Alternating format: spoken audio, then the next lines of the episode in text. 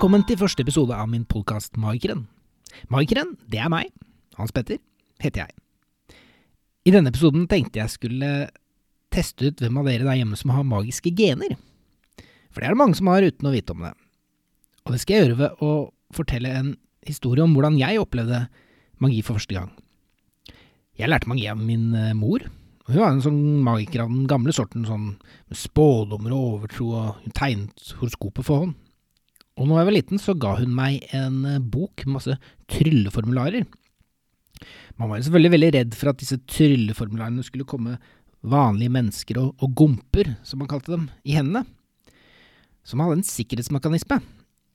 Hver trylleformular hadde tilknytning til et magisk tall. Og for at trylleformen skulle virke, så måtte man skrive ned det riktige tallet. Og det er sånn jeg skal prøve å teste om dere har magiske gener, ved at jeg sier eh, tallet på en av de sterkeste trylleformularene, og så kan du skrive den ned. Og hvis du klarer å skrive den ned på første forsøk, ja, da har du magiske gener. Hvis du ikke klarer å skrive ned dette tallet på første forsøk, vel, da er du nok bare en normal person. Men i disse dager, det å være en normal person, det er kanskje ikke så ille. Så gjør deg klar med tryllestaven, eller penn eller blyant eller det du har for hånden. Hvis du ikke har noe av det tilgjengelig, så kan du også ta frem kalkulatoren på mobilen din, eller så kan du bare åpne en tom tekstmelding og, og skrive på mobilen. Så skriver du ned dette magiske tallet. 12 1212. Høres enkelt ut? 12 1212. Og de aller fleste nå, de vil tro at det gikk jo veldig greit. Men se ned på det tallet du akkurat skrev. Sett gjerne et punktum eh, foran de tre første tallene, sånn som man skiller tusentegn og skriver 1.000.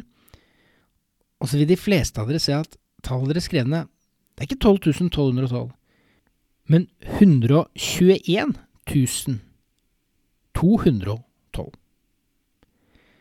Da håper jeg noen av dere oppdaget at ja, at dere har magiske evner, mens noen oppdaget at ting som ser veldig enkelt ut, kanskje kan være litt forvirrende allikevel.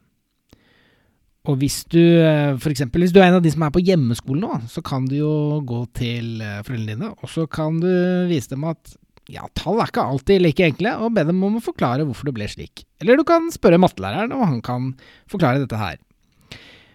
Og hvis du fikk det til, så kan du jo dele podkasten på Facebook, og så se om vennene dine får det til. Eller hvis du ikke fikk det til, så kan du se om det er noen av dine venner som har magiske evner.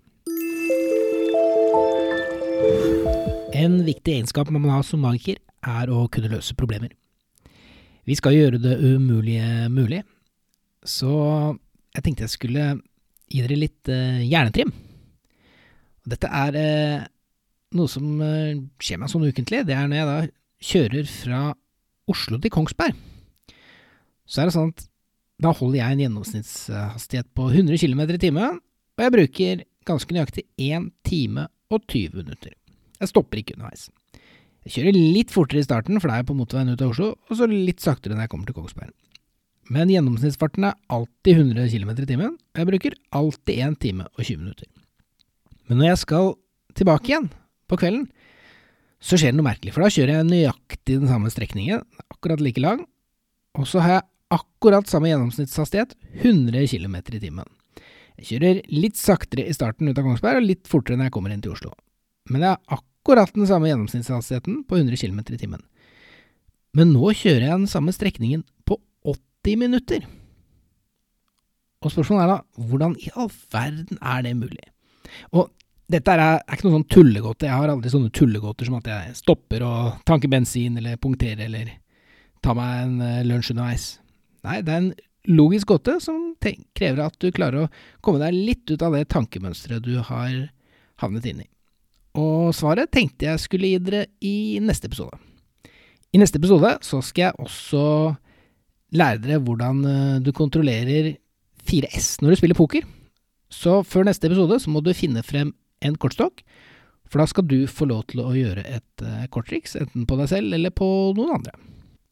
Jeg tenkte jeg skulle gi ut en episode av denne podkasten i uka frem til sommeren. I disse koronatider så er det jo veldig lite liveunderholdning noe som også påvirker oss uh, magikere. Så dette er forhåpentligvis mitt uh, lille bidrag til en ellers For noen kanskje en grå hverdag. Men uh, den andre episoden den ligger allerede ute, så den kan du spille av allerede nå, hvis du har en kortstokk for hånden. Og til neste gang håper jeg du har en magisk uke videre.